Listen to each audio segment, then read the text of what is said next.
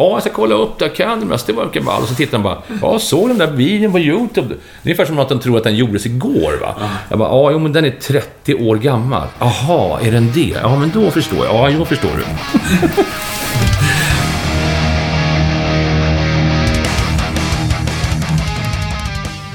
Ja, nej men då så. Då var vi framme vid avsnitt 22 av Rockpodden. Äntligen måste jag säga. För idag fick jag åka hem till hårdrockslegenden Mappe Björkman ifrån Candlemass. Ohyggligt trevligt tyckte jag att det var, för Mappe visade sig vara en synnerligen sympatisk herre. Han bjöd på mycket sköna stories, en hel del skratt, men också en liten inblick i de lite mörkare partierna, både i Candlemass historia och hans egen. Och jag sa att jag gör inga mer gig med Cannabis. Jag kommer aldrig mer göra det i den här konstellationen. Han måste bort. Följ gärna Rockpodden på Facebook, Instagram eller Twitter. Vi heter Rockpodden kort och gott på alla ställen.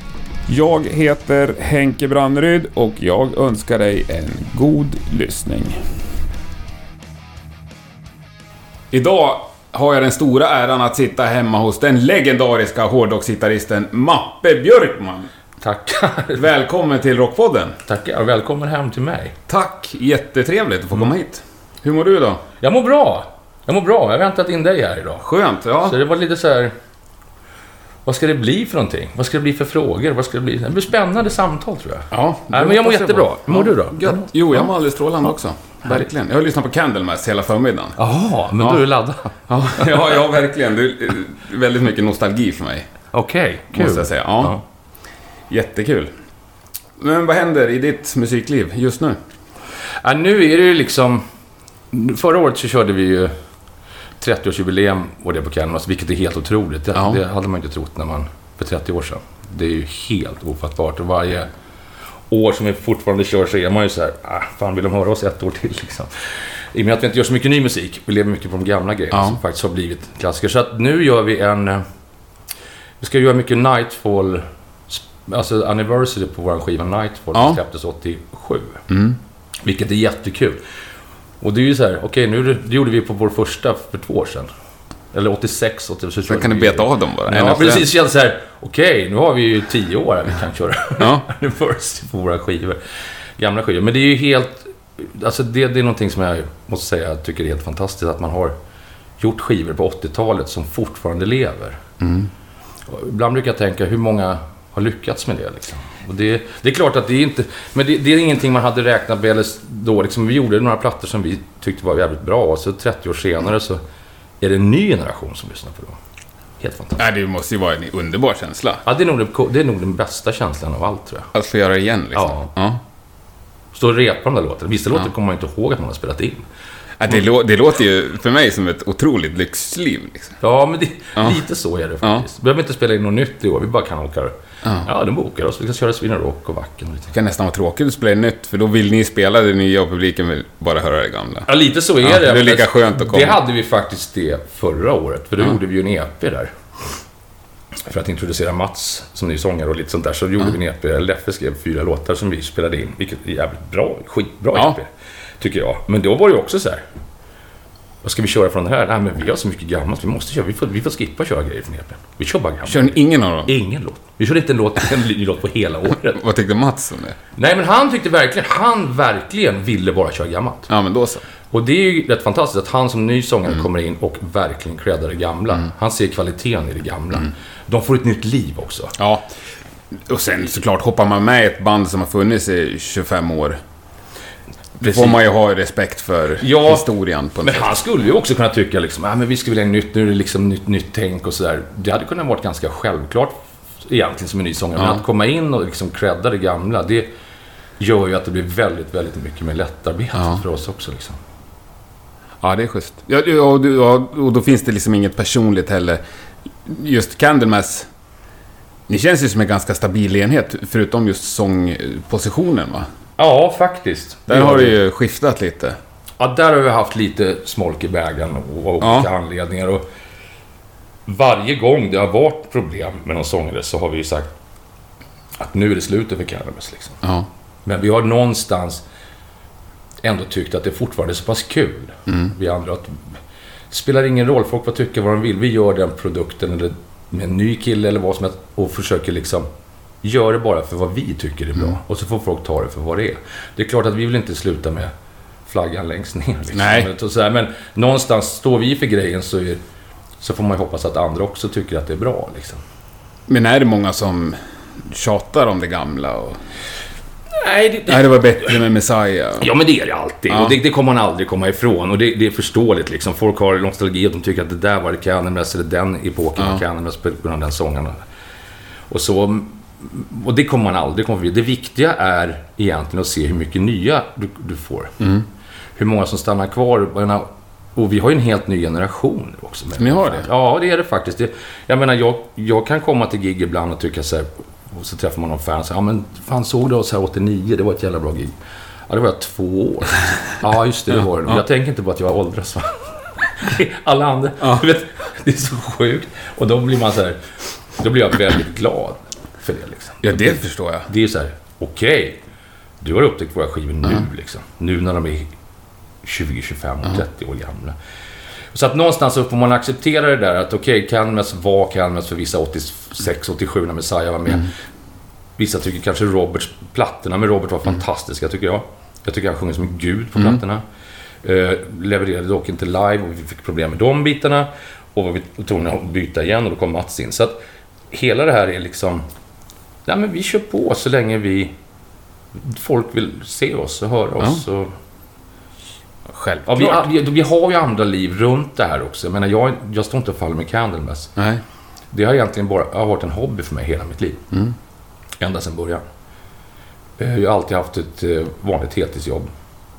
Och det har även Janne, vår trummis, och Lasse. Spelat, alltid haft heltidsjobb. Alltid? Alltid. Jag har aldrig levt eller haft det som ett Men de måste ha ganska schysst chef med semester och... Ja, vi har ju verkligen fått liksom... Man, För det, var, vissa år kan du inte varit på jobbet så hemskt mycket. det har varit fruktansvärt jobbigt att, gå till chefen ibland kan jag säga. Ja. Och man har tänkt så här, okej nu, nu, det här är sista dagen för mig alltså. Ja. Då får jag lämna skutan. Men det har, peppar peppar, det har funkat hela vägen och det funkar fortfarande. Att det finns en acceptans hos, hos de som chefer och så som tycker ändå att det där är någonting de fortfarande ska göra. Då blir det ju... Då, det, och man, får, man får ju ställa upp andra saker på jobbet. Kanske jobba några timmar över där de behöver hjälp. Eller man kanske... Du vet, det, det är ja. ge och ta. Ja. Och det har man ju fått hålla på med ända sedan typ 86. Så man har ju aldrig någonsin kunnat så här. Jag ville något någon gång i mitt liv vilja så här, drömmen var att bli pilot. Liksom. Men du vet, det fanns ju inte på kartan. Vad skulle jag plugga till? Skulle då får jag, då får jag ju välja liksom. Ja. Ja, då får du ju Då är det kört. hänga upp gurorna på väggen. Ja. ja. Nej, då är det bättre att du spelar gitarr. Så att, ja, men det, så att det, det är lite så här... Nu håller jag ju på lite. Jag jobbar inom LSS-verksamhet och personlig assistans och så. Okej. Har gjort bara drygt fyra år. Vilket jag trivs väldigt bra med. Och här är jag liksom mer lite kanske inne på att börja gå lite psykologiutbildningar och sånt för att få upp lite poäng. Jag menar, jag har 12-13 år till pension. Och Cannabis kan jag inte pensionera mig med. Det, den inkomsten finns liksom inte. Utan, Ja, men om ni har kört 30 år kan du köra 12 år till. Ja, det kan jag gott göra kanske. Men, men jag får försöka kombinera det här mer. Att Ja. mer kanske tillgodose mitt, mitt, mitt huvudsakliga arbete och Ja. sysselsättning. Att inte bara skita i det och liksom... Nej, men jag skiter i det här. Vi ska lira och så. och så. Men sen spelar vi inga långa turnéer. Vi kör ju väldigt, väldigt mycket helger och så. Och ni har helt lagt ner turnerandet? så Ja, i princip långa turnéer. Alltså, det har vi gjort. Vi kanske kan göra tre, fyra gig på raken Mm. och säga så här, men det där kan vi göra, men sen är det enough. Liksom. Jag var i Sydamerika förra året och körde sju gig, tror jag. Ja. Var borta åtta, nio dagar. Men det, Men det är max alltså. Ja. Är det för slitigt eller? Nej, men det är, mycket, det är på grund av det här med jobbsituationen. Att man liksom har två liv och man har... Jag menar, jag har småbarn och barnbarn och man, har, man är i en annan situation idag. Och jag är inte intresserad. Jag, jag tycker de gångerna när jag har varit ute och gjort de långa turnéerna med Candlemass så har det slitit så mycket på oss att vi har inte varit riktigt... Då har det inte varit kul när man kommit hem och ska börja om. Nej. Och det där kom jag väl till 2007 när vi gjorde en lång USA-turné. Och kände att, nej, nu har jag gjort det här så länge på grund av att jag tycker att det är skoj. Då ska jag inte komma hem och så tycka det är tråkigt och sen känna någon ångest för att fortsätta spela för att vi har gått in i varandra för mycket. Det är en kombination av det och att jag känner att jag har... Jag är för hemmakär liksom. Också. Det kan man väl få bli. Eller hur? När man har Det är jätteskönt. kommit upp sig Man blir gammal och trött. Ja. Då kan man gå ut. Ja. En skön soffa och... Ja, Ja. ja. Men eh, apropå det och turnerandes lite, att eh, Leif Edling, grundaren av Candlemass, han är aldrig med live nu för tiden. Nej, han ska vara med faktiskt. Han var med i Japan och spelade ett par låtar med oss nu i oktober. Det var det första han gjorde på två år. Eh, och sen ska han köra ett par gig nu i 2017, Nightfall-spelningar då. Som Okej, sagt. ja. Vet vi inte hundra vilka än. Det är lite upp till han att bestämma. Med hans kondition och sådär. Men vi har ju gjort det här utan han nu, Mm. live. När det är låtskriveri så är han liksom den som har gjort det i alla år. Mm. Så kommer det fort, fortsätta vara. Men live-situationen har vi löst genom att Per har vickat mycket Mm. och Jörgen. Det är liksom en, allting är ju en Candlemass-familj. Ja. Och Krux och Leppe sidan om projekt och allt det har ju också varit. Mats Mm. kommer ju därifrån. Jörgen har vickat liksom. Så live har vi kunnat reda ut det. Men han är fortfarande med som en allsmäktig fader. Ja, det är han. Ja. Det är absolut. Ja. Absolut är han det. Och det är ingenting annat snack. Jag tror att han... Jag menar, han är väldigt mån om att fråga och undra när vi har spelat live och har gått och sådär. Liksom. Så att han är ju, han är ju en, en av oss, Ja. fast vi är ute utan honom. Det är lite speciellt. Ja, Ja. väldigt speciellt Ja. är det. Cannabis är väldigt speciellt. Ja, men det är underbart. på olika sätt med medlemsbyten och grejer. Men i det här fallet så är det ju väldigt speciellt för att han är grundaren och han är den som är låtskrivare. Mm. Det är klart, i början var det väldigt mycket frågor om, om vad är Leif och vad händer nu och Cannabis. Men det har faktiskt avtagit. Det, det, man, man får frågan, hur mår Leif? Mm. Jo, men han är på bättringsvägen. Eller han är Mm. si och så. Man säger som, som hans status är. Och sen är det slutfrågat liksom. ja. Och jag menar, de som inte vill gå och titta på Candlemass för att Leif inte är med, de behöver inte göra det. Det är ett eget val liksom. Jag känner att det, det finns inte... Jag spelar ju bas själv, så jag kan ju säga det här. Alltså, det finns ju väldigt få som bryr sig om basisten egentligen. Ja, det, han bryr man sig om för att han är låtskrivare och grundare. Ja, Det är ju fast det. har han skrivit låtarna och det låter bra live så Det står en annan skön snubbe där så Det funkar. funkar ju det. Ja. Ja. Och det är bra för Candlemass framförallt. Jag menar, hade vi legat... Inte gjort ett smack nu på två år, så tror jag att liksom, då hade vi fått börja lite på där nere liksom. Mm. Och det vet inte jag om någon hade pallat hålla på med. Det här har ju varit... Det var ju inte hugget i sten att vi skulle spela live, utan Leif när han blev sjuk, utan vi körde ju några gig som redan var bokade. Ja. Eh, och eh, sen kom Mats med och vi blev ett förbannat bra liveband i och med det. Och vi tyckte det var väldigt kul och vi tyckte att liksom, wow, kan vi inte boka några gig till? Och så var det på den vägen och sen har det rullat på bara. Okej. Och hela 30-årssvängen var ju utan Leffe. Han körde två låtar i Japan, var den sista. Liksom. Ja. Men för att avsluta det där med live. Du sa att ni blev ett förbannat bra liveband när Mats Levén kom in. Men sångarinnan här, Ja. Rob Lowe. Ja, Visst hade han det som ursäkt när han slutade, utåt sett? Att ni var så jävla dåliga li- Ni inte, resten av bandet inte levererade live. Det skulle han säkert kunna ha sagt någonstans. Jag läste det i någon intervju, men det kanske var... Ja, säger han det så blir man ju livrädd. Och då är det faktiskt... Ja, det är ju fantastiskt sägning när man gör det. För att, Nej, då ska inte... Det kanske ja, men, ja, men det, alltså, det, det, det är inte alls omöjligt. Det är inte alls omöjligt att, att han skulle kunna ha sagt så. Nu är inte vi ovänner då på något sätt. Nej. Det är ingen, blev ingen schism på Nej. det sättet. Det var mer att han, han tog ju inte livegrejerna seriöst någonstans. Här pratar vi liksom alkohol, lär sig inte texterna, kan inte föra sig på scen och folk betalar pengar för att kolla på det här. Jag menar, jag har ingenting emot om någon dricker en bira och går på scen, det gör jag själv. Ja. Men definitivt inte så att folk liksom vill ha biljettpengarna tillbaka. Nej. Förstår du vad jag menar? Ja, jag förstår precis Där går gränsen. Man måste Ja. kunna leverera. Kan man inte göra det till folk som liksom har pröjsat? Det, det, det är liksom en skam, tycker jag. Och det här höll vi på med han hela tiden. Och han fick fler chanser än någon annan. Fruktansvärt jobbigt, men vuxen människa behöver hålla på så. Ja, och det drar ju ner våran kapacitet lite grann. För det vi fokuserade på, det var ju att liksom kolla upp om han kunde sköta sig eller göra en bra grej. Mm. Ja. Och till, till plötsligt så, så struntar man i om man spelar fel skit själv. Det var ju inte liksom det som var huvudsaken. Det var ju om han kunde. Nej, Jag tror alla som har spelat i några band Jag vet, vet, precis det, vad vi pratar Det är om. inte ovanligt Nej. tror jag va? Men på den där nivån liksom. Ja, det var, det var tragiskt. Jag kommer ihåg vi hade ett gig i Tyskland, det första vi gjorde med han utomlands. Och vi hade ju en väldigt viktig person där som har sett Cannabis i alla år. En, en journalist som har skrivit för de här Rock Hard. Mm. Alltså det är en väldigt, väldigt nyckelperson inom tysk metal. Han gick därifrån. Och så, han bara, jag kommer aldrig mer se Cannabis. Nej. Och det var lite så här. Okej, varför spelar vi live? Man spelade live då för att promota en produkt, på en skiva eller vad som helst. Då var det tvärtom. Alltså, vi, vi- protade ner oss till ett sämre band för att spela live. Det var ju bara så här, nej men det här går inte. Så till slut så kände jag, jag vet jag tog det med Le- Leif någon gång att vi var i Grekland och spelade och det var liksom droppen för mig. Och jag sa att jag gör inga mer gig med Candlemass. Jag kommer aldrig mer göra det i den här konstellationen. Han måste bort. Och då sa Leif att, ja men då hade han skrivit Songs for the Dead redan. Och det var liksom gjort för Robbansson. Och det var så här, kan vi inte bara köra den plattan? Göra, spela in den, den kommer bli kanon. Du behöver aldrig mer stå på scen med Robert. Ja, absolut, så. Det var en deal som jag Ja. hade. För jag ville verkligen spela, jag älskar att spela Leffes låtar. Jag älskar när han kommer upp med bra låtar. Det har alltid varit så här, wow liksom. Ja. Och det gjorde vi. Vi spelade in platta. Och det roliga i det här sammanhanget var att vi hade ett gig bokat i Portugal. Och det slutade med att Leif var till risig under den här tiden. Så han kunde inte göra det. Vi var tvungna att göra det. Tom Per på bas. Och jag var tvungen att spela det här sista giget med Rob. Och då, där har vi hopp för jävlar. Han, han bara... Jag bara, du slapp göra det. Ja. Men jag åkte på det här igen. Du vet, men det var, det var mer humor. Men grejen var det, det komma till att och då kom Mats in och gjorde de här giggen och han är ju så uppstyrd i allt. Han är ju mer uppstyrd än någon av oss andra någonsin har varit. Va? Så att då blir det nästan så att vi får liksom, här här får vi skärpa till oss.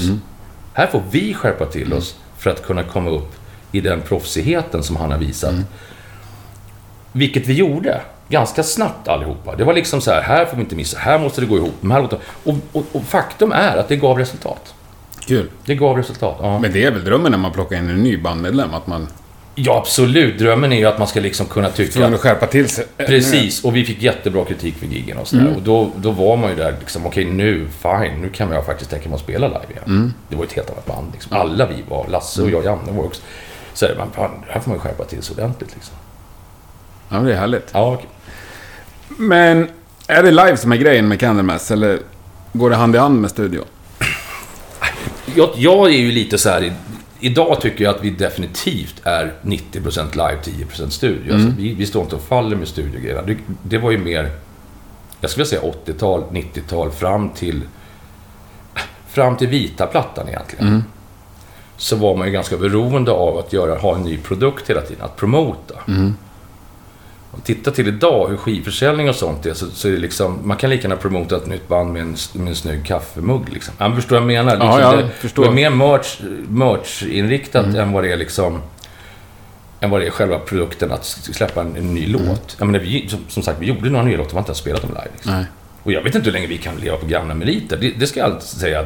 Kan, men jag tror att, att vi är, har den fantastiska möjligheten att kunna spela de gamla låtarna lång tid framöver. Ja, det tror jag också. Det tror jag faktiskt. Det är så många låtar. Det är så många, och det är så många låtar som faktiskt görs när man tar... Tänker man på produktionen på 80-talet, jag menar, jag har vissa grejer som jag känner så här, jag kan inte lyssna på det produktionsmässigt. Jag tycker det är så dåligt. Ja. Men, ta de låtarna och så gör dem live idag, med det livesound var, då är det liksom en, det är en ny, ny låt. Liksom. Ja. Alltså, det blir... Och i det sammanhanget så är det ju väldigt tacksamt att spela de här gamla grejerna och få dem att låta bättre. Det skulle kunna vara ett andra låt. Ja, men de där låter inte lika bra som de gjorde på den tiden. Men det gör de faktiskt. De låter bättre. Men är det dags för en ny liveplatta då? Ja, det hade Ni kunnat ju vara. Det hade kunnat på vara något. Eller göra någon live, kul live-DVD eller någonting. Jag skulle vilja göra någon sån här dokumentärgrej om Candlemass.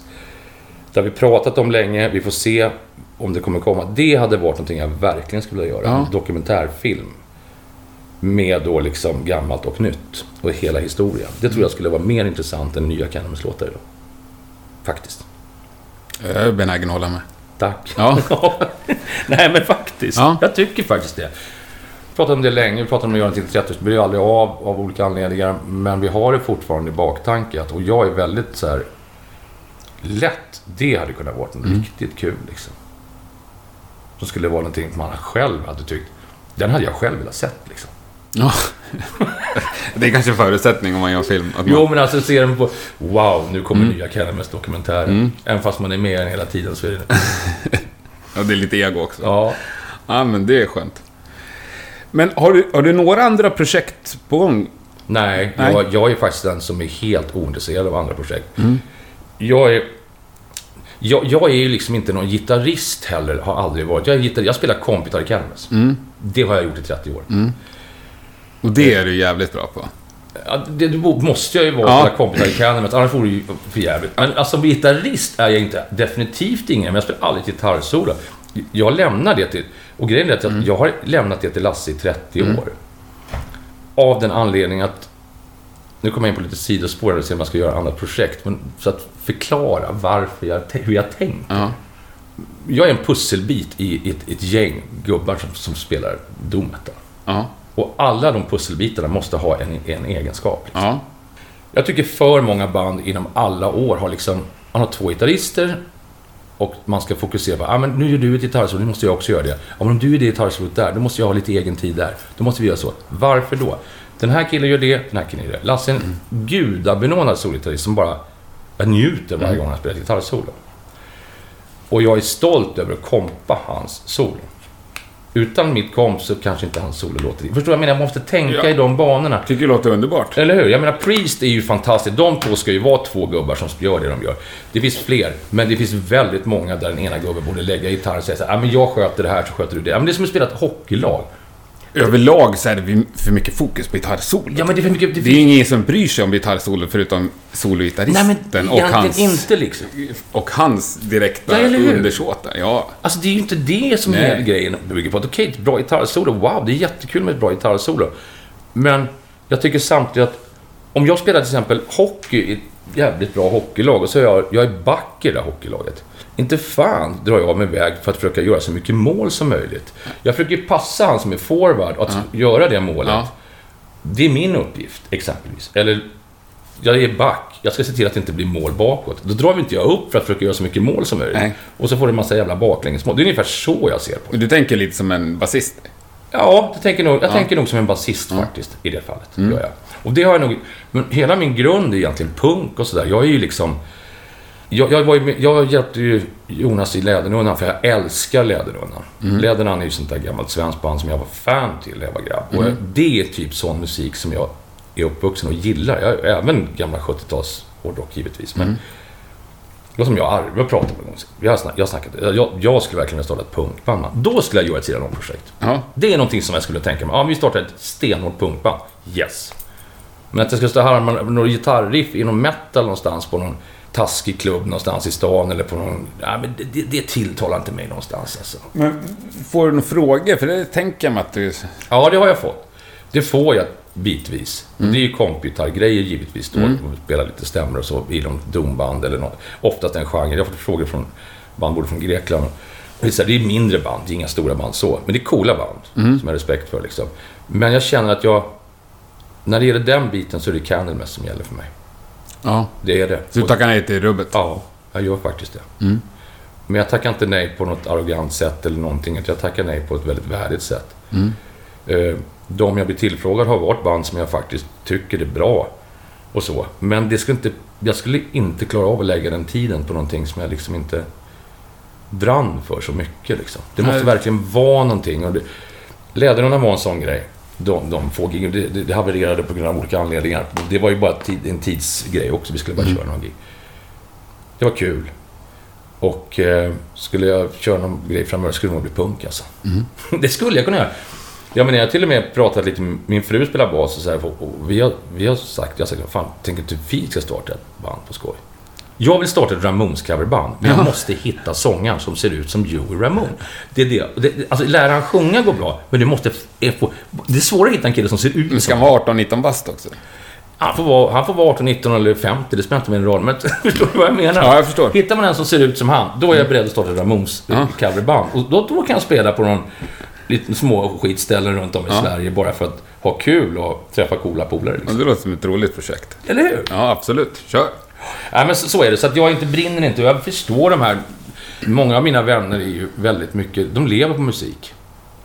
Och då får man liksom jaga jobb och, eller se att där måste jag ta för att få in, betala min hyra och sådär. Eftersom man kanske aldrig har suttit i den situationen så är det mer att, när man ska göra det måste det vara verkligen någonting som jag tycker är kul. Ungefär som jämförbart med några gubbar som startar något sånt här korplag i fotboll och åker runt och lirar för att de vill Ja, bara komma ut och snacka skit liksom. Men ni är väl några nivåer över Korpen. Ja, det kanske är det. Det kanske inte blir det mest professionella Ramones-coverband. Då får Nej, jag- då jag- Ramones-bandet, det blir Korp. Då blir det korpliga. Ja. Nej, men inte Cannabis är inte korp. Men just den, om jag ska göra det så har jag ingenting... Det behöver inte vara någon stor slag. Då skulle det vara bara någonting för att det... För att det är kul. Ja, Ja. verkligen. Men för att avsluta där Candlemass, ni blev ju ändå utnämnda i Sweden Rock till Sveriges Ja. största och bästa hårdrocksband genom tiderna. Ja, det var ju helt... Det är skapligt tungt. Ja, det var riktigt, det var riktigt, riktigt kul. Det var faktiskt... Jag tyckte det var kul för det var så mycket svenska journalister och... Ja, det var ju hela journalistkåren som var med och röstade. Ja, det var det faktiskt. Alla deras skribenter, ja. Och en tom kom tvåa, vilket jag tyckte också var jättekul. Ja. För det är polare och de har verkligen också gjort ett statement inom svensk hårdrock, tycker jag. Ja. Eh, och där var det... Det hade vi definitivt räknat med. Så när vi fick den där på oss att vi skulle bli det och vi skulle spela in den där singeln och sådär. Så kände man ju också att allt det som vi hade i början med Candlemass, för det var verkligen så när vi började i Väsby där med jag, Leffe och Mats Ekström, när vi gjorde Epicus-plattan. Det var ju någonting vi bara gjorde för, för att vi tyckte det var så ball att göra någonting liksom. Yes! Här Och hur gamla var ni då? Ja, då var jag, då var jag alltså 20... 85, jag var 21. Ja. 21 alltså. Och vi satt där i replokalen och vi tyckte det var så kul att spela de här riffen. Leffe hade någon riff. Det var vi tre och vi bara mörsade de här riffen liksom. Det var ju något helt annorlunda. Men då var det verkligen så här. Folk kom till oss och det, det var ju Väsby, vet det var ju musiker-mecka i Sverige. Där, där snackade vi gitarrister och basister och trummisar som var liksom bäst. De, bara, liksom, de var så jäkla bra att lira. Men det var Yngve och John Norum. Ja, det var ju den det lite liksom. före? Ja, Europe var ju med. Det Ja. var den till samma tid liksom. Och, och för oss var det bara så att folk kom till oss och liksom, jag vet till Yngve och alla de här var ju på oss och klappade oss på axeln. Ja men fan det är, det är kul det ni håller på med grabbar. Fan, det, det är roligt så här, lite så här käckt ungefär. Och vi bara, ja, ja, kul att ni tycker det. Så här, vi körde. Det var ingen som trodde på oss. Vi skulle ha sångare till den skivan. Ja. Det var ingen som ville sjunga på den. Det var så nära att Leif var tvungen att sjunga på den. Han ville verkligen inte göra det. Och vi bara, nej, vi ska ha en sångare. Och till slut hittade Mats då, Ekström, Johan Landqvist som var, körde taxi och han hade något sidan om band och han höll på med att satsa på. Han bara, men jag vill inte vara med i bandet. Jag kan ställa upp och göra de här låtarna för 5000 spänn eller vad fan han fick. Och vi bara, ja men vi får skrapa ihop de här pengarna. Han- Vi måste ha en sångare som, som låter värdigt på den här skivan. Liksom. Det var på den nivån. Och sen kommer man då 25 år senare och blir röstad till det bästa hårdrockbandet genom tiderna i Sverige. Det är liksom sådana kontrast va. Så att då blir det så här, okej. det var så skönt. Ja, det kan man ju. Den dag man lägger ner så kan man ju bara vika upp det. Ja, någonstans- Sidouppslaget. och- Ja, det var häftigt alltså. Och Somna. samtidigt, det var så häftigt för att just det här liksom, om han, vi hade på 85-86 varit ett band som alla trodde på. Och så här, Åh fan, nu kommer det nya, det här, de här kommer slå. De kommer, då hade det och vi hade slagit och allting, då hade det varit så här uppenbart. Ja, men det gjorde de liksom. Men det var verkligen tvärtom. Vi var ingenting, vi var bara skit liksom. Men dom liksom fanns väl inte som begrepp ens? Nej, det var någonting som någon hittade. Jag kommer inte... Jag, det, våran platta heter ju Epicus Domicus Metallicus. Och det var ju liksom någonting som vi bara liksom tyckte att var ball, kul. Ja. Alltså, och, och hela... Och Dom kom ju sen, för vi var ju väldigt influerade av ett band från Chicago som heter Trouble. Vi hade hört deras första låtar från en plats som heter Metal Massacre. Jag var inte så mycket inne på den musiken, men Mats och Leif var ju helt... De köpte ju allting från USA, de här och även Manila Road var ju någonting som de gillade. Mycket såna obskura band liksom. Som ingen, knappt någon lyssnade på. Nej. Och det var ju våra influenser. Och de var ju också väldigt långsamma. Och allting baserades från gamla Sabbath och så här. Även vi var inspirerade av Angel Witch och sån 80-tal, lite udda 80-talsmetal. Och sen kom namnet Doom av någon anledning. Och jag vet, ja, ja, det, det, det ploppade upp någonstans och sen helt plötsligt var det band som var inspirerade av oss. Och vi bara, okej. Vad coolt, du vet. Men om du tittar idag om vi spelar på så Doom-festivaler. Vi blir ju ofta inbjudna till dem. Vi ska headlina en Doom-festival och vi är liksom Candlemass kommer. Det är ju liksom Master of Doom. Vi spelar ju inte Doom egentligen om du tittar till vad de, de här nya banden gör idag. Nej, jag, jag vet också modernare dom som... Ja, Jag somnar innan andra versen Du, vi spelade på en festival här för något år sedan som heter Hammer of Doom. Det är fantastiskt roligt. De är ju helt underbara de här gubbarna. Men du vet, de spelar så långsamt så jag trodde... jag stod och väntade i logen så här. Om, om de slutar, när de slutar spela, då måste vi gå på scen och börja göra oss klara. Vi har precis tiden där. Nu har de slutat, så jag. Nej, det hade de inte. Då kommer inte hon till. Det var den nivån, va? Och då säger de så här, vad fan har vi med Doom att göra? Ja. Nej, men det var väl att när vi gjorde vår platta, den var ju... Och den skilde sig ju väldigt mycket. De festivalerna så där vi gjorde i början, det var, fanns ju inga likvärdiga band för att spela med i den genren. Det var ju, vi spelade med Exodus och Forbidden och de banden på den tiden. Och de var ju inte, det var, det var ett helt annat, det var ju liksom den amerikanska trashen då. Men vi skilde oss så mycket, så jag tror att det blev en så här frisk fläkt på festivalen. Det var mycket så här snabba band och det. Så kom vi in bara, okej, jämförbart med dem så var ju vi dum. Ja. Jämförbart med dombanden då vi inte dum. Men Nej. förstår du vad jag menar? Speed metal nästan. Bewitched var ju en domlåt Mm. liksom. Men tar du den i jämförelse med dagens domband, då är det en speed metal. Ja, men det är lite mer så groovy stoner nästan. Ja, lite ja, jag, jag är helt med. Ja. Så lite kul. Men fruktansvärt bra låt. Ja, ja men det Ja. är ju det liksom. Och, det, det är, och som sagt, att de håller idag. Det är ju, ja, det är ju Leif som hade... Han har ju, var alltså en gudabenådad låtskrivare som inte gick efter några regler någonstans, utan bara gick efter sitt eget Ja. sinne och sina egna influenser. Vilket var häftigt, att han hade ju influenser som, som var väldigt udda. Alltså tog småband som ingen lyssnade på liksom. Det där är bra. Det var inte de stora jättarna liksom alla gånger. Även fast han är fan av Uriah Heep och Sabbath och allt det. Så var det inte där han hämtade sina influenser. ja, det är coolt. Vilket har gett då ett mycket cred 30 år senare. Jag måste ju fråga det här med solo och, och, och du säger att du gillar punk. Men när du sitter hemma och lirar själv? Jag sitter aldrig hemma. Aldrig? Nej. Aldrig. För du har ju, det hänger ju lite gitarr här på väggarna. Ja, den, det, ja, Och den där vita BC Richen, det är ju den jag är liksom uppfödd med att se dig med. ja, det säger alla. Ja. Alla från live tidigare. Den där är ju alla Candlemass-plattor inspelade i. Vad, vad heter Fram. modellen? Bitch heter den. Bitch. Ja. Den är, den, det där är egentligen från början en jävla skitgitarr. En japansk bitch. Och Man liksom kom på gigs och Åh, det är ingen amerikansk, det där är bara en jävla skit japaner. Idag är den faktiskt värd en del. Och det som är roligt med den där, är ju inte värd som liksom en gammal strata eller något. Men det som är coolt med den, den där är alla Candlemass-skivor inspelade fram till live. ja. Alla. Och en fruktansvärd massa gig. Fruktansvärt massa gig. Ja. Den funkar fortfarande. Jag tog fram den till Sweden Rock 2009. Det var Leffe som bad. Kan du ta fram den här gamla bilen? Ja, men så den är sprucken och eländig. Vi får se om det funkar. Och jag gjorde det. Sen hängde den på väggen. För jag tyckte den ändå är en... Det är ett Candlemass historia i den där. Ja, jag kände att jag varit lite andfådd när jag kom innanför Ja, dörren och såg den. det. Ja. Och därför, jag har haft den nerplockad. Faktum är... Det är en bra, rolig story om den där gitarren. För jag sålde den... Jag fick spons på någon sån här Jackson eller någonting på 90-talet. när vi- Och det var ju mycket coolare än att ha en sån där. Det, Ja. där var ju bara att slänga i soporna, du vet. Så jag sålde den där.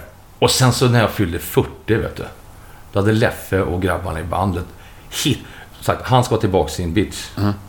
Så på den överraskningsfesten när jag fyllde 40, som var på Bröderna Olsson, så kom jag öppnade bara caset, så var den där gitarren där. Då hade de letat upp ägaren. Den hade gått till tre olika ägare, eller något sånt där. De hade verkligen sökt igenom och, och researchat var den här gitarren var. Underbart. Ja, och då tänkte jag att nu Ja. kan jag aldrig mer, nu gör jag aldrig mer av den här gitarren. Nu, nu får den hänga där bara. Ja. Och frugan har sin första bas där, för hon spelar bas. Hon, vi tycker det var lite kul att det där är våra. ja, den är också riktigt snygg. Ja, men den är cool. Även om det är en kopia ja, men är, hon är stolt över den. Och då, då ska hon ha den där. Då kan vi ju berätta då, som folk inte ser, att det är alltså en... Vad heter det? Rickenback. Rickenbacke-kopia. Ja. Ja, jag vet inte ens vad det är för märke. Träfärgen. Ja, skitsnygg. Det är lite sådär, man går ner i trappen där så känner man, okej, där är den bitchen och där är hennes Rickenbacker. Det är lite kärlek över det tycker jag på något sätt. Och så en hel vägg med Candlemass-affischer. där. Ja, nej, stort. Kul. Ja. Det är det jag tycker är härligt att komma in när det syns att du bor, att det bor musiker där. Ja, men vi har alltid Ja. haft så här, min fru är ju också, hon är ju 17 år yngre än mig, men hon är- kan ju mer gammal metal egentligen på vissa än vad jag kan. Hon är ju liksom helt otrolig. Och ruggig Maiden-fan. Hon har sett dem 80 gånger tror jag. Oj. Ja, och, och sådär. Så, men eh, det är jättekul, så vi, vi tycker det, att det passar i vårt hem. Mm. Vi vill ha det så här. Hon har målat den där till exempel. Nu ser de inte det i podden, men... Jaha. Ja, Skitsnygg. Ja. Eddie-variant. Ja den har hon målat. Den ty- det vill inte hon ha där själv från början. Jag bara, den ska sitta där. Nej, men jag kan ta, vi har den i källaren. Nej, den ska sitta där. Så den har suttit på undervåningen ett tag, men sen tog jag upp den. För jag tyckte att den där ska sitta i vardagsrummet. Stenhårt. Så Ja, det, är coolt. ja, det är skönt att vissa kanske tycker, vad fan, det är någon 14-åring som bor här. Nej, men det är, det är ändå möblerat och det hänger gardiner och blommor i fönstret. Precis. Ja, Blommor och gardiner, då är ja, jag tycker det ser ut som ett vuxet hem ändå. Vad skönt. Ja, absolut.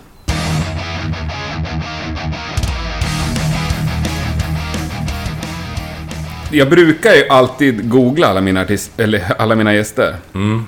Och då får du upp massa roliga grejer för mig. Och det är där... Ja, ska, ska vi prata om det eller ska vi skjuta Nej, vi kan, det? nej, vi kan prata om det. Vi vi behöver inte gå in ingående på det. Nej, vi det kan, behöver vi inte göra. Men... Jävligt jobbigt att vara eh, kändis, eller vad man ska säga. Ja. En officiell person. Ja. Och hamna i sånt här skit. Faktiskt. Det, Ja. det som är, det, det är inte... Alltså att hamna i den skiten var givetvis jobbigt. Men eh, det jobbigaste är när man är borta ur registret. Helt. På alla plan. Man Mm. Ja. söker den var som helst. Ja. Och jag, jag finns inte med i registret. Men googlar du mig så är det första du får upp. Och det gör ju att det är det enda som jag kan tycka. På ett sätt så skiter jag i det. För de som känner mig vet om det. Ja. Och det är de som är viktiga för mig. Mm. Och jag har inte gjort någonting som har liksom skadat någon annan människa. Jag har inte gjort någonting sånt. Liksom. Och hur mycket jag är skyldig till det där, det tänker jag inte gå in på överhuvudtaget. För att det är så mycket som är så jävla rappakalja också. Men, men skitsamma, det där är gjort nu och det är liksom ett, ett passerat kapitel. Jag hade ju en idé om att skriva en bok som jag verkligen ville göra. Eh, då det där hände. Mm. Eh, för att förklara hela skivindustrin och hela hur skiten funkar. Mm. För det är en rent jävla, förlåt att jag svär, men jag blir bara förbannad när jag tänker på det. Och speciellt, och så jag ville verkligen med hjälp av en, en, en kompis som, som skulle spökskriva då. Vi började med den här boken. Och den gjorde vi när jag satt inne. Han kom till mig varje vecka och vi skulle göra det. Vi kom en bit på väg och sen när jag varit klar med allting. Jag kom ut och då liksom, jag var fri och jag var liksom, nu fokuserar jag på, på, på mitt liv och Candlemass, min familj framför allt. Då, då kände jag att nej, jag kan inte hålla på med den här boken. Jag måste, nu vill jag bara, nu, nu väntar jag de här åren tills det är preskriberat. Jag är bort, jag ska bort ur systemet. Och då blev det ju väldigt jobbigt när man liksom googlar mig. Jag, vet ju det många gånger. Så, ja, men jag, jag, ja, du är Mappe Björkman och du, du så, så har jag googlat det. Ja, visst. Då är det bara så här, jag orkar inte ens nämna det där. Liksom. Jag vet ju vad de har sett.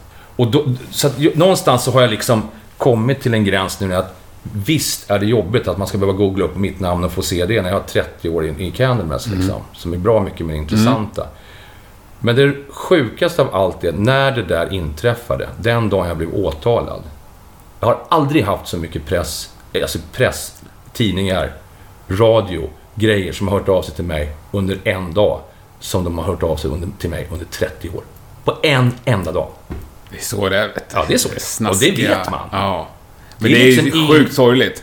Ja. Och ett helt gäng år senare så är det liksom det. Ja, det Ja. som är liksom fokus i själva Google.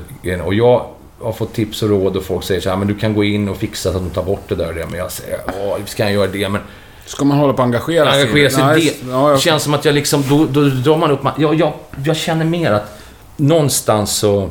Jag har ett förbaskat bra liv idag. Mm. En underbar fru, jag har en liten kille nu och jag har liksom sjukt bra vänner. Och vi har... Alltså jag har verkligen... Min kärna av vänner är så bra. Mm. Aldrig varit så bra. Jag har Candlemass tillsammans med mina vänner. Alltså, det, jag, jag kan inte hålla på och rota och det här skriva Nej. bok och det. Det har varit jätteintressant. Nu skriver ju var och varannan bok. Du hittar ju böcker från varenda gubbe Mm. du känner. Och där, av den anledningen så är det också, var det också ointressant. Mm. Det här är nästan nio år sedan, så kunde jag skrivit ändå. Va? Men, eh, nej, jag, jag, jag, jag känner om vi ska... Det är det man liksom kan ta på det där, Ja. det är klart. Och du fattar ju, eftersom du säger det ju själv liksom. Ja. Fan ska man behöva googla och få upp det där i första mötet? Och Nej, så men det var mer det som slog mig igår, eller förrgår när jag googlade dig. Liksom, det var de första fyra träffarna och det känner jag att man lider med Ja, dig det gör man. oavsett. Det gör man. Ja. Och det är ingenting som jag... Liksom, och det frågar ju inte folk mig ofta. En del kanske frågar som du gör sådär. Det, det, det, det är så rakt och skönt det. Och fråga det där verkligen. Ja. Jag googlar på det. Det här är det första jag får upp. Exakt så är det. Och det är skitjobbigt. Ja, du, Fast, nå, fast någonstans så... du får dra till med någon riktig, så- någon snaskig skandal som ändå är liksom oskyldig men i, Alltså, i, ja. i Svenssons ögon Ja. jävligt snaskig. Eller så får jag göra något annat. Får gå vidare och göra ett bankrån eller någonting. Men då är jag ju där igen va? Det är, inte- det är fel. Det är fel. Nej, skämt åsido. Jag ska, jag ska faktiskt... Ja, jag får hitta på något bus alltså. Ja. Det är helt enkelt det jag får göra. Något naket, tror jag. Ja. Det ger mycket Och det rubriker hade också. gett väldigt bra. Med den här kroppen så ska jag ge fan i det kan jag säga. Då får den där... Fast det är då rubrikerna kommer kanske. Det är bättre den får stå kvar. Ja. Nej, vi släpper det. Men du, live tyckte vi var inne lite för lite på. Vad gör du innan du går upp på scen? Innan jag går upp på scen. Jag blir oftast väldigt... Eh, det brukar mina närmaste säga till mig. Att jag blir väldigt stissig. Är det sant? Ja. Fort, fortfarande? Ja, inte nervös. Jag är aldrig nervös. Alltså, nervös måste man vara lite, lite, lite grann. Och på vilken nivå det är. När man nervös av att man kanske glömmer bort någon liten grej. Eller man är nervös av att man... Inte att man är så nervös som man liksom var i första giggen när man gjorde. Man skakade när man gick upp. Man vågade inte ens tänka att gå på scen. Så, det finns ju inte. Men man måste ha lite av det. Och min grej är att jag blir stissig. Väldigt kontrollig så här, Om jag har med min fru eller mina barn så är det så här, "Ö, Sitter ni här nu? Är det bra? Har ni, har ni, har ni så ni klarar er där? Jag, sådana saker som jag inte behöver bry mig om. Jaha. Jag behöver inte bry mig om det. De klarar sig själva. Det är Ja. vuxna människor. Men där har jag någonting som jag vet andra, det har jag tänker jag inte på själv. Men det är någonting. Och sen så är jag ju en älskare av rödvin va. Så rödvin dricker jag gärna innan jag går på scen. Trevligt. Ja, det gör jag. Absolut. Och sen så pepp och sen så går man på bara. Det, det, det är liksom det jag har jag vet, när jag går på scen. Och den här stissigheten, det är någonting som de andra säger till mig. Och då blir jag, nästan, då blir jag nästan lite sur. Du. Vadå stissig? Jag är inte stissig. Fast jag vet någonstans innerst inne att det är så. Ja. Ja, men det är skönt. Men är det kinke på vilket rödvin? Nej, jag är inte kinkig. Jag gillar väldigt mycket italienska rödviner. Ja. gör jag faktiskt. Det, det, det, det framför allt. Mm. Men sen, får, sen, sen är det vissa ställen man kommer på. Men vad står det på riden? Står det liksom Ja, det, red står bara wine? rött, och- ja, det står bara rött och vitt, men det brukar vara helt okej. Det är några gånger det har varit riktigt illa, men då får man bita ihop bara. Mm. det är fantastiskt det. Vilken kräsen kille det där är. Har ni ingen annat roligt på eran ride? Vi kan det mest. Nej, det är så sjukt den där riden, för att den har varit nu i... Vi har ju samma management som King Diamond. Och det har vi haft sedan 01. Ja. Och eh, först, när vi skulle göra våra första två gig som återförenade Cannabis, det var två spelningar. Det var Sweden Rock och det var Vacker. Eller om det var Bang Rehab. Ja, låt, två gig var det. Vi skulle spela de gamla låtarna bara. Och vi är fortfarande på den återföreningen. Så i de här två giggen så skickas det ut en rider. Men skitsamma, skicka ut någonting. Bara, bara vi får någonting liksom. Det, vi har inte så kräsna. Ja. Eftersom vi, om är man på turné så är det en annan sak, för då kanske man vill ha så här... För man har inte tillgång till saker. Man Nej. kanske gillar att få någon viss pålägg på en macka på morgonen och så där, för, att man, för att man behöver sin näring eller energi. Eller för det. Men vi behöver ju inte, vi kommer, flyger in och kör ett gig och så flyger vi hem. Jag spelar ingen roll, de där nötterna kan jag väl slänga om det så. Ja. Eller, och, och den riden är så här choklad som ska vara 70% kakao en liten bit och så här. Och det där har vi haft i 16 år. Vi pratade om det förra sommaren. Ska vi inte ändra den där riden? Den där chokladen har ju ingen rört på 16 år. De där jävla... Någon frukt som ingen bryr sig om, du vet. Men det där stackars rödvinet, det tar ju slut direkt. Och så står det någon gin där. Det är ingen som tar i gin. Liksom. Det står en vodkaflaska där. Det är knappt någon som dricker vodka liksom. Det står en bourbon. Det är ingen som gillar bourbon. Däremot tycker vi det är gott med vanlig whisky. Kan vi inte byta ut den mot vanlig whisky? Ja, det vore ju... Ja, det är ju bara att göra. Det är bara ja. lathet. Vi bara, ja, nästa gig ska vi kontakta managementet, så får de fixa det här. Det har inte hänt än. Men nu ska faktiskt Jag tar tag i det. det. Så att våran rider är ju bara... Det är jättebra. Alltså, om man nu gillar alla de där grejerna så är det ju klart det är kanon. Så det är inte så att det liksom... Men den, den ridern jag älskar mest, det, det, man kommer till rider, det är ju... Det var Bob Dylan. Som har en rider, hans rider tror jag Bob Dylan. Han ska ha en kopp kaffe, en konjak och sen vill han ha riktiga glödlampor, inga LED-lampor. Det, den tycker jag är, det är det som står Ja, men det, där, nu börjar vi snacka. nu börjar jag snacka Ja, rider. Jag vill Ja, komma lite dit liksom. Jag Ja. skulle vilja vara så här. och lite mer specifik på sådana där grejer. Ja, jag vill inte ha det här. Jag, jag, jag tycker det är lite så här töntigt att komma med massa så här tusen olika förslag på rider. Jag tycker det är lite så här skämmigt liksom. Folk ska leta någon jäkla produkt som inte finns i det här Ja, landet ja. bara för att du ska ha det. Eller någonting. Jag, jag tycker bara så här, det, det, det är lökigt rent Ja. sagt. Det är så här, jag kan förstå turnerande band, som jag säger. Förstår du? jag? Det är en väldig skillnad. Där du har liksom specifikt vissa, du är borta två månader. Det är klart, du kanske vill ha liksom schysst vatten, eller du vill ha det och det. Vatten är ju klart, det har vi alltid har givetvis. Men alltså, vi som flyger in på ett gig och det... Ah, vad fan, ta bort de där grejerna som vi inte käkar. Larvigt. In med pappan är rött bara. Ja, absolut. Gött.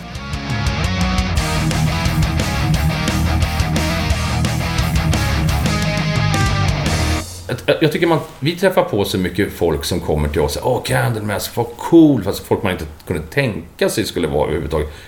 De kanske inte lyssnar på musiken, men det är en respekt liksom. Till ett band som hållit på så länge. Där har det blivit en mer så här... ah, men det är klart, det är respekt till er, men ni har hållit på så här länge. Liksom. Okej, wow, vad schysst, vad cool liksom. Så jag tycker att nu under de senare åren har man ju, får man ju bättre och bättre bemötande liksom. Någonstans. Men det är ni ju värda också. Ja, kanske är det. det är ju Samma fan- sätt som man bemöter en gammal människa med respekt. Ja, Det där kanske lät fel, men... Ja, men det är väl... kanske Ja. är så. Man kanske, man kanske ser ut som en gammal människa som kommer staplande där. Vi tar hand om farbrorn. Men det där med rockstjärna, känner du dig som en rockstjärna? Nej, jag gör inte det. Jag, jag, jag, gör jag inte. Det, det gör jag inte. Jag, jag, rockstjärna i den bemärkelsen att det är klart när man är ute och folk kommer och, och man ska skriva någon aut- autografer på signing och sånt där och ta bilder med en, så tänk, ibland tänker man så vad fan ta bilder med mig? Jag skiter som alla andra liksom. Men det är klart att jag ser det mer som en... Jag blir väldigt glad. Alltså, jag ser mig inte såhär wow, sprätter med hängslena. Jag är rockstjärnan som kommer knalla det här. Liksom. Det är inte den nivån. Utan det är mer så här, fan vilken cred till mig liksom. Eller till oss. Ja, schysst. Att vi, jag, jag, jag är mer så. Jag, jag är väldigt, väldigt ödmjuk mot, mot våra fans. Faktiskt. Väldigt ödmjuk mot våra fans. Försöker vara så mycket det bara går. Sen finns det ju alltid folk som är väldigt jobbiga. Det vet ju alla som spelar som Ja. kanske inte har riktigt den här spärren att stänga av när, när det behövs eller sådär. Och det kan bli lite för Ja. mycket. Men jag drar Kanske mig... Jag, framförallt om man har dragit någon bira och sådär. Ja, exakt. Och jag drar mig in i det sista för att försöka vara otrevlig mot någon. För jag tycker ändå att det är folk som liksom ser upp till vår musik och det vi har gjort och det vi gör. Och alla människor är olika. Vissa kanske inte klarar av den där, har den där spärren. Och då, det är klart jag drar mig undan, men, men det är inte så att jag ber någon fara åt helvete. Liksom. Nej, man kan sköta det snyggt. Och det tycker jag liksom ingår i ditt jobb när du är ute och spelar. Det är liksom halva grejen. Det, alltså det att stå på scen göra de grejerna, men halva grejen är att bemöta fansen. Tycker jag. Men hur är du? Du måste ju ha träffat i princip alla dina... De du ser upp till. Och har sett upp till genom åren. Förebilder och... Faktiskt. Många, alltså man har ju träffat jättemånga och Mm. man blir ju... Klart, jag, jag, kan, jag, blir, jag blir lätt starstruck. Nej, lätt att jag blir det. Men jag, blir- tycker, jag tycker det är asjobbigt att träffa vissa, hur man ska bete sig vissa Har du något exempel på någon som var svår? Ja, den här människan ska man kanske inte prata om idag för alla hatar han, men jag är en gammal fan av Ted Nugent. Det är min förebild av allt. Det var den första rockstjärnan jag såg, som jag verkligen såg. Det där är en rockstjärna. Jag köpte hans Free for All 76. Sen dess är jag blown away liksom. Jaha, jag har skrivit under på det. Jag skulle ta honom Ja, som gäst i podden vilken dag som helst. Jag tycker han är... Ja, det, alltså jag skiter i det. Han är ju galning, Så men... han är en galning och hans åsikter om politik och allting. Det är en helt annan femma. Jag lägger det åt sidan. Vad han har gjort inom musik och hur cool han är som rockstjärna. Det är för mig bara så här. Och det, det, när jag var 12 år så var han liksom störst. Kiss var störst för vissa och det förståeligt och allt det här liksom. Och, men med deras grej, image och allting. Men för mig är Ted Nugent och hans image, det är liksom wow. Och jag har varit fan sen dess. Jag åkte till London själv, 15 bast och kollade på honom och sådär. Så jag, jag verkligen... Och Nugent... Jag åkte till hans butik 97 med en polare. Bara besökte han hade sina affärer. Jackson var där och hängde och- tills Nugent kom och var- hängde med oss. Liksom. Det var det största. Jag var, så, jag var som ett... Jag Vad var det för affär? Han hade en jaktaffär. Ja, det var jakt. Ja, givetvis. Ja. Han hade det redan då. Men han var inte lika, lika kontroversiell när det gäller liksom utåt sett då. Nej. Det. Så nu har han dragit iväg så det skriker. Ja, det jag spårar. Men, men det, ja, precis. Musiken har kommit helt i andra hand. Men... Eh, och det var ju en jättegrej. Alltså jag har aldrig varit så skakig. Och då spelade vi på... Vi spelade i en festival i Zaragoza. Och eh, min dotter var med då. Hon var ganska liten. Och min nuvarande fru. Och då spelade han och hade dressingrum bredvid oss. Och jag satt i för det stod Ted Nugent på det. att Jag tittade in, så han hade inte kommit än då. Kommit dit och så här, jag väntar, fan ska jag göra när han kommer nu liksom? Till slut är det liksom, man, man, det är ungefär som när man står ute på sjön när en val skulle komma. Då liksom känner man det innan den här valen. man ser den här valen. Det var ungefär så Ted. Man kände att det är någonting på gång här och då kom han med en hel stab livvakter och grejer och hans du vet, alla de här gubbarna som var med honom, managers, så han var ju en hel uppsjö med folk.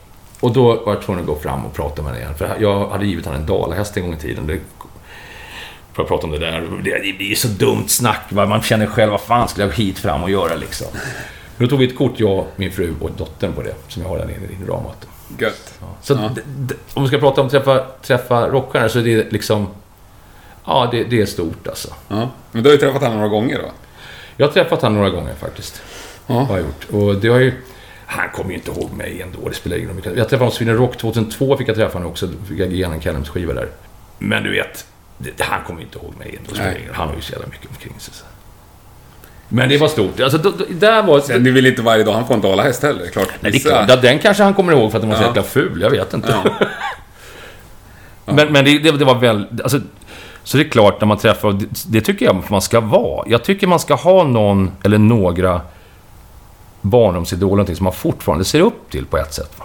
Det tycker jag. Det är viktigt alltså. Mm. Man kan inte säga så här, men det där är ingenting jag bryr mig om idag. Då tycker jag man har tappat rätt mycket. Ja, Liksom. för då blir det ju indirekt att man ser sig själv som bäst i världen då. Eller? Ja, men eller hur? Ja, eller hur? Jag menar, du, du har ju någonstans du har börjat lira, eller du har ju någonstans... Du har ju några som du faktiskt har sett upp till. Stå Ja. för det hela Ja. livet liksom. Sen kan jag inte tycka att du inte har bra åsikter idag vad det gäller politik. Det har jag definitivt Nej, inte. men- Men jag, jag, jag, jag försöker koppla bort det och titta till vad, han- det han gjorde på 70-talet. Det är för mig Ted Nugent. Jag, och jag, jag kan sätta på YouTube-klipp med han idag och bara sitta och njuta liksom. Ja, jag kommer också ihåg Rockbox när jag var liten. Catch Scratch Fever, första gången jag hörde det, hade det inspelat. Världsklass. Gud vad jag lyssnade på den. Ja, Ja, vad kul. Ja. Att du också... Ja, men då hajar du vad jag menar med Ja. stor rockstjärna liksom. ja. ja. Sen har jag sett hans grill. grill. Men sen, sen blir det ju det också. Man, det är ju så coolt ändå. Man, som vi spelade i Vegas nu i somras. Man, Mm. De satt och käkade frukost där, några nere på Hardrock Hotel. Liksom, och så var det någon de stötte i och vände sig om. Det var Alice Cooper som satt där. Liksom. Det är klart, tänker man ju så här. Oj, den där gubben lyssnade jag på när jag var 11 år. Liksom. Mm. Då börjar man tänka tillbaka. Tänk, han står på Billion Dollar Baby-omslaget. Det är han. Det är han som sitter där. Ja, det är coolt. Det, jag tycker det är coolt. Ja. Men sen måste ju, ni har ju på så pass länge sedan, det måste ju vara många av dem som också hunnit lyssna på er och hunnit... Ja, någonstans så, så måste det ju vara så, Ja. tycker man. Att om de som har musikintresse, vilka vissa har, det är klart att de har ju någonstans lyssnat Mm. på oss i något sammanhang. Det coolaste, det coolaste som, i sammanhanget när någon står och lyssnar på, det var när de spelade på Sweden Rock 2009, måste det varit. Och jag är ju jättefan av Billy Gibbons, Mm. alltså ZZ Top. Det tycker jag är en... Alltså han är ju fantastisk på alla sätt. En av de coolaste gubbarna som går i ett par skor idag. Liksom. Han har liksom tagit över Ted Nugents roll. Nu, är det- nu är det Billy Gibbons för mig. Och de, vi hade ju bak där på Sweden Rock så, så hade vi om dressing rooms och det liksom. Och vi spelade ju på stora scener och de spelade på stora. De spelade efter oss. Och då står jag och lirar och ser, jag vet Lasse, och så gitarrist, han, han är ju inte den som är liksom är starstruck någonstans. Men CC Topp alltså. Och står och lirar, så tittar jag på min högra sida. Då står ju lite vänner och familj och sånt där. Och där står alltså Billy Gibbons och tittar mig rakt i ögonen så spelar. Och så tittar jag åt andra hållet på Lasses sida. Då står Dusty Hill där borta. På varsin sida och tittar på gigget liksom. Och där det kommer fram att Robert som sjöng med oss då. Ja. Han är ju från Texas. Hans farmor dansade line dance ihop med Dusty Hills morsa. Så de stod ju och pratade backstage hur mycket som helst om deras morsa och farmor, om deras line dance som de Man bara, ja men det här är inte sant, du vet. Underbart! Ja, det är helt underbart. Så det var ingen snack om musik, utan det var deras morsa och farmor, mormor och farmor som dansade line dance. Men det gick bra att lira när de stod där. Ja, ja, absolut. Ja. Det gjorde det. Men det var ju skitcoolt. Men det var, det var ju Ja, så det det är det tycker jag ändå så här, svårslaget. ah, fan, då står de här gamla gubbarna och tittar. Vad ska de tycka nu liksom om det här dom, domgrejen? Det måste ju de bara skaka på huvudet, tänker man så här. Men de stod ett tag, så de tyckte det var helt okej. alltså. Ja, klart han gjorde. Jag hade en fin Marshall-vägg där, kommer jag ihåg. Vi, skulle slå rekordet i Marshall, hade 42 lådor. Jag vet att enda Billy Gibbons hade gått fram till Lasse och sagt att Nice stage, sa han bara. Där gick han. Det är cred. var ju positiv Ja. ja. Kollar du på dig själv på YouTube någon gång? Ja, jag kollar inte liksom... Jag kollar, mig, jag kollar oss på YouTube när vi har gjort något gig som jag är lite så här konfunderad ibland. Så fan, var det här bra? Eller var det... Eller, det jag helst inte vill se på YouTube, det är gig som jag tyckte var asbra.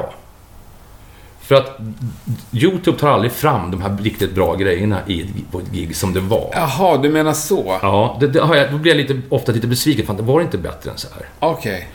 Oj då, fan jag, jag tyckte det var skitbra liksom. Men är det något sånt där gig som man liksom... Jag kollar gärna på om det är någon sån här övergångar och sånt som har gått lite kanske kass eller någonting som man skulle vilja ändra. Då är det väldigt bra att gå och titta så ja men det här kanske vi ska ändra och göra så. Lite mer i studiesyfte liksom. Eh, jag kollar ibland, ungarna vill ju kolla ibland liksom. Min lilla grabb tycker det är kul att kolla när pappa spelar gitarr och sådär och, och, hans kompisar och sådär. Så att då, då blir det ju att man kollar automatiskt. Eh, kolla gärna gig som är exempelvis Sweden Rock 2009. Där Robert då var med och var, han var rätt okej för det, för att vara det giget. Det kan jag återgå till för att titta och tycka liksom att... För att inte bara se misären som var på den tiden. Utan Ja, mer så här. Vi gjorde faktiskt några riktigt bra grejer där. Robert gjorde en, en, en fantastisk version av Kill the King. Som jag, sångmässigt, som jag gärna går tillbaka och tittar Mm. på. Alltså. Och tycker att, för att se och inte bara tänka den tiden som en jävla skittid. Ja, jag alltså. fattar. Det är snyggt. Förstår du vad jag Ja, det menar? snyggt tänkt, ja. Jag går aldrig och tittar på ett gig med Robert som jag vet, det här var det värsta. Det ska Nej. jag inte ens, Nej. det tar jag, det vill jag inte ens se. Och det som är så sjukt med YouTube-klipp med Cannabis, för man har ju ändå... Träffar ju folk ibland, ja ah, du spelar med Cannabis, ja. Ja men fan jag har inte hört så mycket av er, men jag ska googla det på YouTube. Ja, gör det. Då vet jag exakt vad de får upp. Då får de upp Bewitch-videon. Och så kommer de tillbaka sen. Ja, jag såg det på YouTube, den här videon, den var jävligt rolig. Fan, den var rolig. Ja, jo. Den är jätterolig, men det är liksom inte det Cannabis ska titta på idag. Uh, Bewitch-videon är inte riktigt updated till dagens Den är jätterolig om du är gammal Candlemass-fan. Men som introduktion till Candlemass vet det 17 om jag tycker det är bra att börja med. Förstår du vad jag menar? Ja, ja. Fast den är ju ascool. Jag menar, Jonas står ju för den 100%. Han är ju jättestolt över den. Är det Jonas Åkerlund som har Ja, ja, visst. Ja, det är ju sjukt coolt. Vi Ja. träffades i lördags och pratade om den där videon senast. Och jag menar, jag sa, jag sa faktiskt honom, för grejen är att vi håller på med, vi ska göra ett Men det är den när ni begraver med Ja, visst. Och vi, alltså det finns så mycket stories bakom den. Det är ju ganska cool. Det är ganska mycket tunga boys i den här videon. Ja. Pelle därifrån som han Mayhem tog livet av sig. Ja, Mm. Han är med domdansare. Så, så att det finns ju några gamla, de som faktiskt har gått vidare och spelat tung black metal som står och domdansar i snön där, som var fans. Det var nämligen så här att då, jag ska ta en snabb historia om den videon, för det är ganska roligt. Jag har hört. Vi var på Hard Café och hängde mycket på den tiden. Och jag menar, Jonas var ju precis, var hans första videojobb han gjorde. Han var ju en entusiast, en kompis. Och han bara, ja, ja, jag har en idé. Han har skrivit manus, skrev till en Candlemass-video. Absolut, fan vad coolt du vet. Någon som engagerar sig liksom. Om polare och han gillar ju det här. Så han tycker det här blir jättekul, det kommer bli kanon. Och sa ja men vi spelar in då så, så hade jag sagt upp statister från Horror Café. Jag ni hänger med, vi ska vara Doomdance och de skulle vara med. Kom ut till Drottningholm, vi ska spela in där. Ja, och så spelade vi in och så nästa dag skulle vi spela in igen och då var det så här. Ja, om det är snö imorgon. För det, här, det var liksom ingen snö. Det var vinter men det var ingen snö. Om det är snö imorgon så blir det inställt. Ja, sa alla så här. Och vi skulle mötas 10. Och jag tänkte så här, nej, det har snöat 10-20 centimeter. Men jag åker ut ändå. Alla var så entusiastiska. Alla kom. så den är liksom filmad. Och titta på den så här. Gräs, snö, gräs, snö, gräs, snö. Titta på den får du se. Jaha, det har jag inte Det tänkt på. Men jag vet att det är sån här domdansen, det, är, det är snön. Ja, men sen kommer det grejer när Lasse någon står och gör då är det gräs. Jaha. Så det liksom finns ingenting som stämmer i den där videon. Nej. Bara när du ser de här. Och det är ju lite charmen också. Ja. När man vet hur det var. Ja. Alla var så entusiastiska. Ja, men det spelar ingen roll. Vi åker ut och chansar. Någon kanske är där. Det kanske blir någon filmning. Alla var där. Underbart. Ja. Ja, det är skitbra. Ja. Nej, ja, men du sa att det är ingen bra introduktion. Det finns ju några grymma gig. De här hela... Det är två giggen. olika från Fryshuset. Ja, 89, giggen- 90. giggen är coola. Någon är Giggen. Leopage. Ja, just Det, det. det kanske var sådär, men Ja, just- det gigget Ja, är fruktansvärt Ja, det är jättebra. Giggen är jättebra faktiskt. Och de är kult. Det är samma som den här nya boxen de släppte nu, eller 30-årsboxen med boken och det. Eh, och där är ju någonting som är helt unikt. Där ligger hela gigget från Dynamo. Vårt, vårt första festivalgig, 88. Okej. Med Exodus och de spelade. Och det har ju aldrig funnits ute. Det finns inte på YouTube. Det finns någon låt. Men han som hade festivalen har suttit på de här tejperna ända sedan 88 och gav oss dem för att vi skulle kunna släppa det till den här boken. Och så att hela gigget finns med med en kamera. Och jag, det har jag faktiskt tittat på. Ja. Jag var tvungen att säga, jag måste se det här nu. Och jag kunde faktiskt inte låta, jag var tvungen att se hela giget. För det är sån energi. Det är sån energi. Och det är världens dragpubliken och det var första, första festivaljobb vi gjorde. Och vi hade ju ingen, alltså när vi kom dit så var det, ja men det är någon som kommer lyssna på oss här liksom. Ja men vi spelar, vi är ändå här liksom. Ja men du var på den nivån. Ja, ja, jag fattar. Och tittar man på det idag, tänk, undrar vad vi tänkte när vi stod på den här scenen liksom. Bland alla de andra banden och vår musik då liksom. Och vi var ganska liksom outsiders. Och, och de sjöng med i texten, Bewitched speciellt Ja. sjöng med och så här. Och det är sånt drag. Nej, så det, det, de gamla giggen finns det jättemånga guldkorn. Ja, men det förstår jag. Det är ju inte... Sen det ser man ju ut som och Klack, men det är ju det är 80-tal. Ja. Det måste man stå för. Ja. Då var det coolt liksom.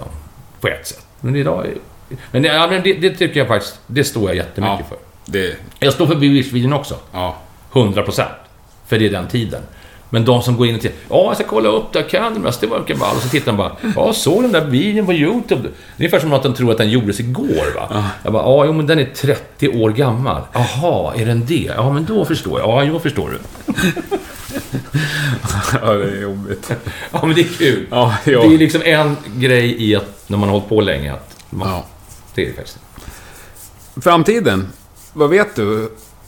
Vad tänker du? Jag tänker bara...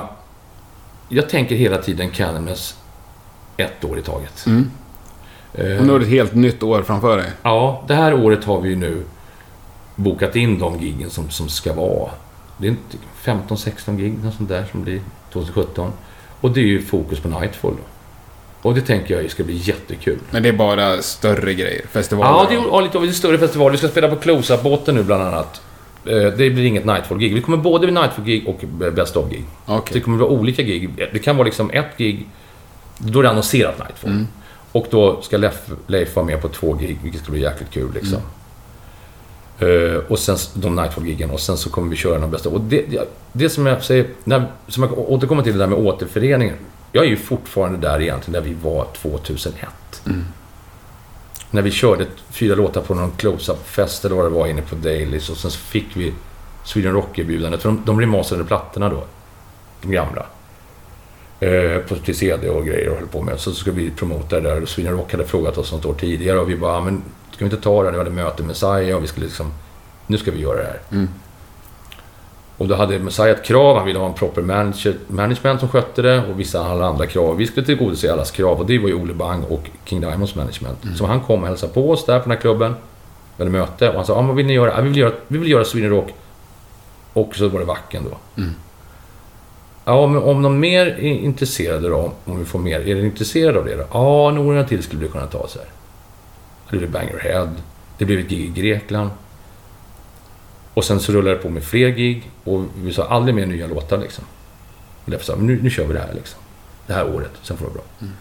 Det är alltså 2002. Och där är ni egentligen Där fortfarande. är egentligen vi fortfarande. Där är vi egentligen fortfarande. Ja. För att jag har spelat in fler skivor och, än vad vi gjorde när vi var proper band. Liksom. Och vi har gjort mer gig framförallt. Så för mig är det hela tiden nästa år.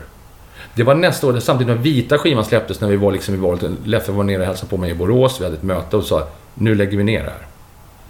Nu är det liksom, nu, nu, nu, eller ska vi söka en ny sångare? Och Leffe spelade upp nya låtarna för mig, King of the Island. Och jag sa det här är så jäkla bra. Och Mats demade dem åt oss. Och det lät så sjukt bra. Jag sa att vi kan inte bara strunta i det här. Vi kom, återkomma till det är kul fortfarande. Kan vi släppa den här plattan och ha kul och göra... Vi skiter i gig, vi släpper plattan bara. Ja, vi gör väl det, spela in den. Och så är vi där. Och så kommer nästa och så kommer... Så här har vi hållit på. Underbart. Och jag någonstans känner att jag vill inte ha långsiktig planering. Jag skulle inte vilja ha en planering som säger ja men du, eh, nu gör vi så här i år, nästa år gör vi det, nästa år gör vi det, nästa år gör vi det. Jag vet inte vad jag är då nästa år. Jag Nej. vet inte vad jag är. Och jag tror att då börjar nog fler med mig tänka så här, jaha, ska jag göra det nu och ska vi göra det då? Hur blir det där sen? Bara här funderingar. Ta det för vad det kommer. Vill de boka oss 2018 på någon annat koncept, då kör vi det. Vi kanske kommer upp med någon annan idé. Leif kanske kommer upp med nya låtar som han vill spela in. Fine, gör han det så kanske vi är redo att spela in. Vi vet inte. Nej. Och det var inte snack om den här Nej, men heller. Men det, du sa att ni har 15-16 gig inbokade i år. Ja. Är det stängt där? Nej, det är Nej. inte. Eh, det, är, det, det, det är stängt. Det är ju fram till augusti. Så att eh, vi har ju inte hösten klar liksom. Och sen är ju Mats nu i den här Trans-Siberian Orchestra som han körde nu. Vilket ett kanonjobb han har fått liksom. Och det kommer han säkert göra nästa jul också. Då får vi ha en tid där då vi är hellediga, vilket är jätteskönt tycker jag. Jag behöver verkligen det för, för liksom att fokusera på annat. Så att det är inte stängt där eh, någonstans. Men det är definitivt stängt för att pusha in 10 gig till på våren. Det hade jag nog backat. För det, hade, det hade jag inte klarat tidsmässigt. Det hade jag inte gjort. Det låter väldigt så här ego att säga "Ja, Tänk vad många band som vill gigga och menar, det är ju det är liksom kö till festival, det är kö för att få spela. Så sitter man själv och säger så här, men det finns ju en anledning till det liksom. Ja, och- Hade du, jag varit 20 år idag, då hade jag ju inte sagt det. Ni har väl gjort er beskärda del av... Ja, men lite så känner Ja. jag liksom. Jag vill verkligen hålla det... Cannabis är lite exklusivitet-grej också. Liksom. Att det får inte, vi kan inte spela varenda gatorna. Jag vill inte stå nere på Pub Anchor och harva två helger. Alltså förstår du? Men jag vill spela på de här proper giggen som de vi hittar som är ändå respekt liksom. Till bandet på något sätt. Så, ja, ja, nej, jag, helstängt är det inte, men det får inte dra iväg alltså. Nej, Nej jag tycker det låter schysst. Ja, det, det, man har för mycket annat i livet idag så jag känner att... Och att man behåller liksom Ja, men lite så. statusen. Eller hur? Det är lätt att spela lite. sönder band. Jag har sett många band som bara spelar, spelar, spelar. Helt ointressant. De kommer till Stockholm. Något utländskt band som bara, ah, men de var ju här för ett halvår sedan. Jag skiter väl i dem idag liksom. Har jag inte sett dem på fem år, då hade jag liksom... Wow! Du, sista. Du, du avslöjade att du smyglyssnat på något avsnitt. Ja, jag gjorde det för det var så kul för att du skrev ju till mig där. Jag ville kolla lite vad, vad, vad det var för... Jag Ja. lyssnade lite på Arve som, är, som jag älskar som person Ja. kompis. Och det, han är ju störtskön i alla sammanhang. Så det var ju jättekul att höra han liksom. Ja. Sen lyssnade lite på Kans också, för det är också en god vän som jag Ja. tycker. Det är fler goda Victor, Jag skulle lyssna på Viktors också, det har jag inte gjort. Men det skulle jag jättegärna vilja göra. Ja, det Eh, är har bra. Han är riktigt skön. Ja, riktigt, riktigt bra. trevlig snubbe. Och så givetvis Magnus Rosén. Men Ja, det ska du inte missa. Men vem vill du se som gäst, som inte har varit gäst? oj, vilken svår fråga. Det var Viktor Brandsson. Han tipsade om dig. Han gjorde det? Nu hade du kanske hamnat här förr eller senare ändå, men det var han som drog upp ditt namn. Och synd att Arve varit med, det har jag ju sagt honom direkt. Ja. Jonas Åkerlund har varit kul, men det får hon ha tid. Hade jag verkligen velat höra. Eh, Jag skulle vilja höra Fredrik Åkesson från Opet. Opet. Mycket bra förslag. Mycket bra vän till mig, granne som bor där borta. Vi umgås typ. Jag tar han på hemvägen. Ja, det. Ja, men han, han skulle höra, för han är väldigt saklig. Han har gjort väldigt mycket. Ja. Eh, han, har, han är en god vän och han är en fruktansvärt bra gitarrist. Mm. Tycker jag. Tack för det. Och tusen tack för att du tog dig tid. Ja, det var så lite så det var fantastiskt. Ja. Fantastiskt. Tack. Tack. Vi tar i hand. Ja, det. Det känns bra på ljudmässigt. Ja, det var det. Det kändes väl bra på fler sätt än ljudmässigt att ta i hand med Mappe Björkman. Stort tack för att du har lyssnat. Nästa vecka, eller om det kanske blir redan om några dagar, du har inte bestämt än, så dyker upp ett nytt avsnitt av Rockpodden. Även då törs jag lova att det blir en mycket intressant gäst. Hoppas vi hörs då igen. Fram tills dess så önskar jag dig inget annat än lycka och välgång. Ha det gott, tack och hej!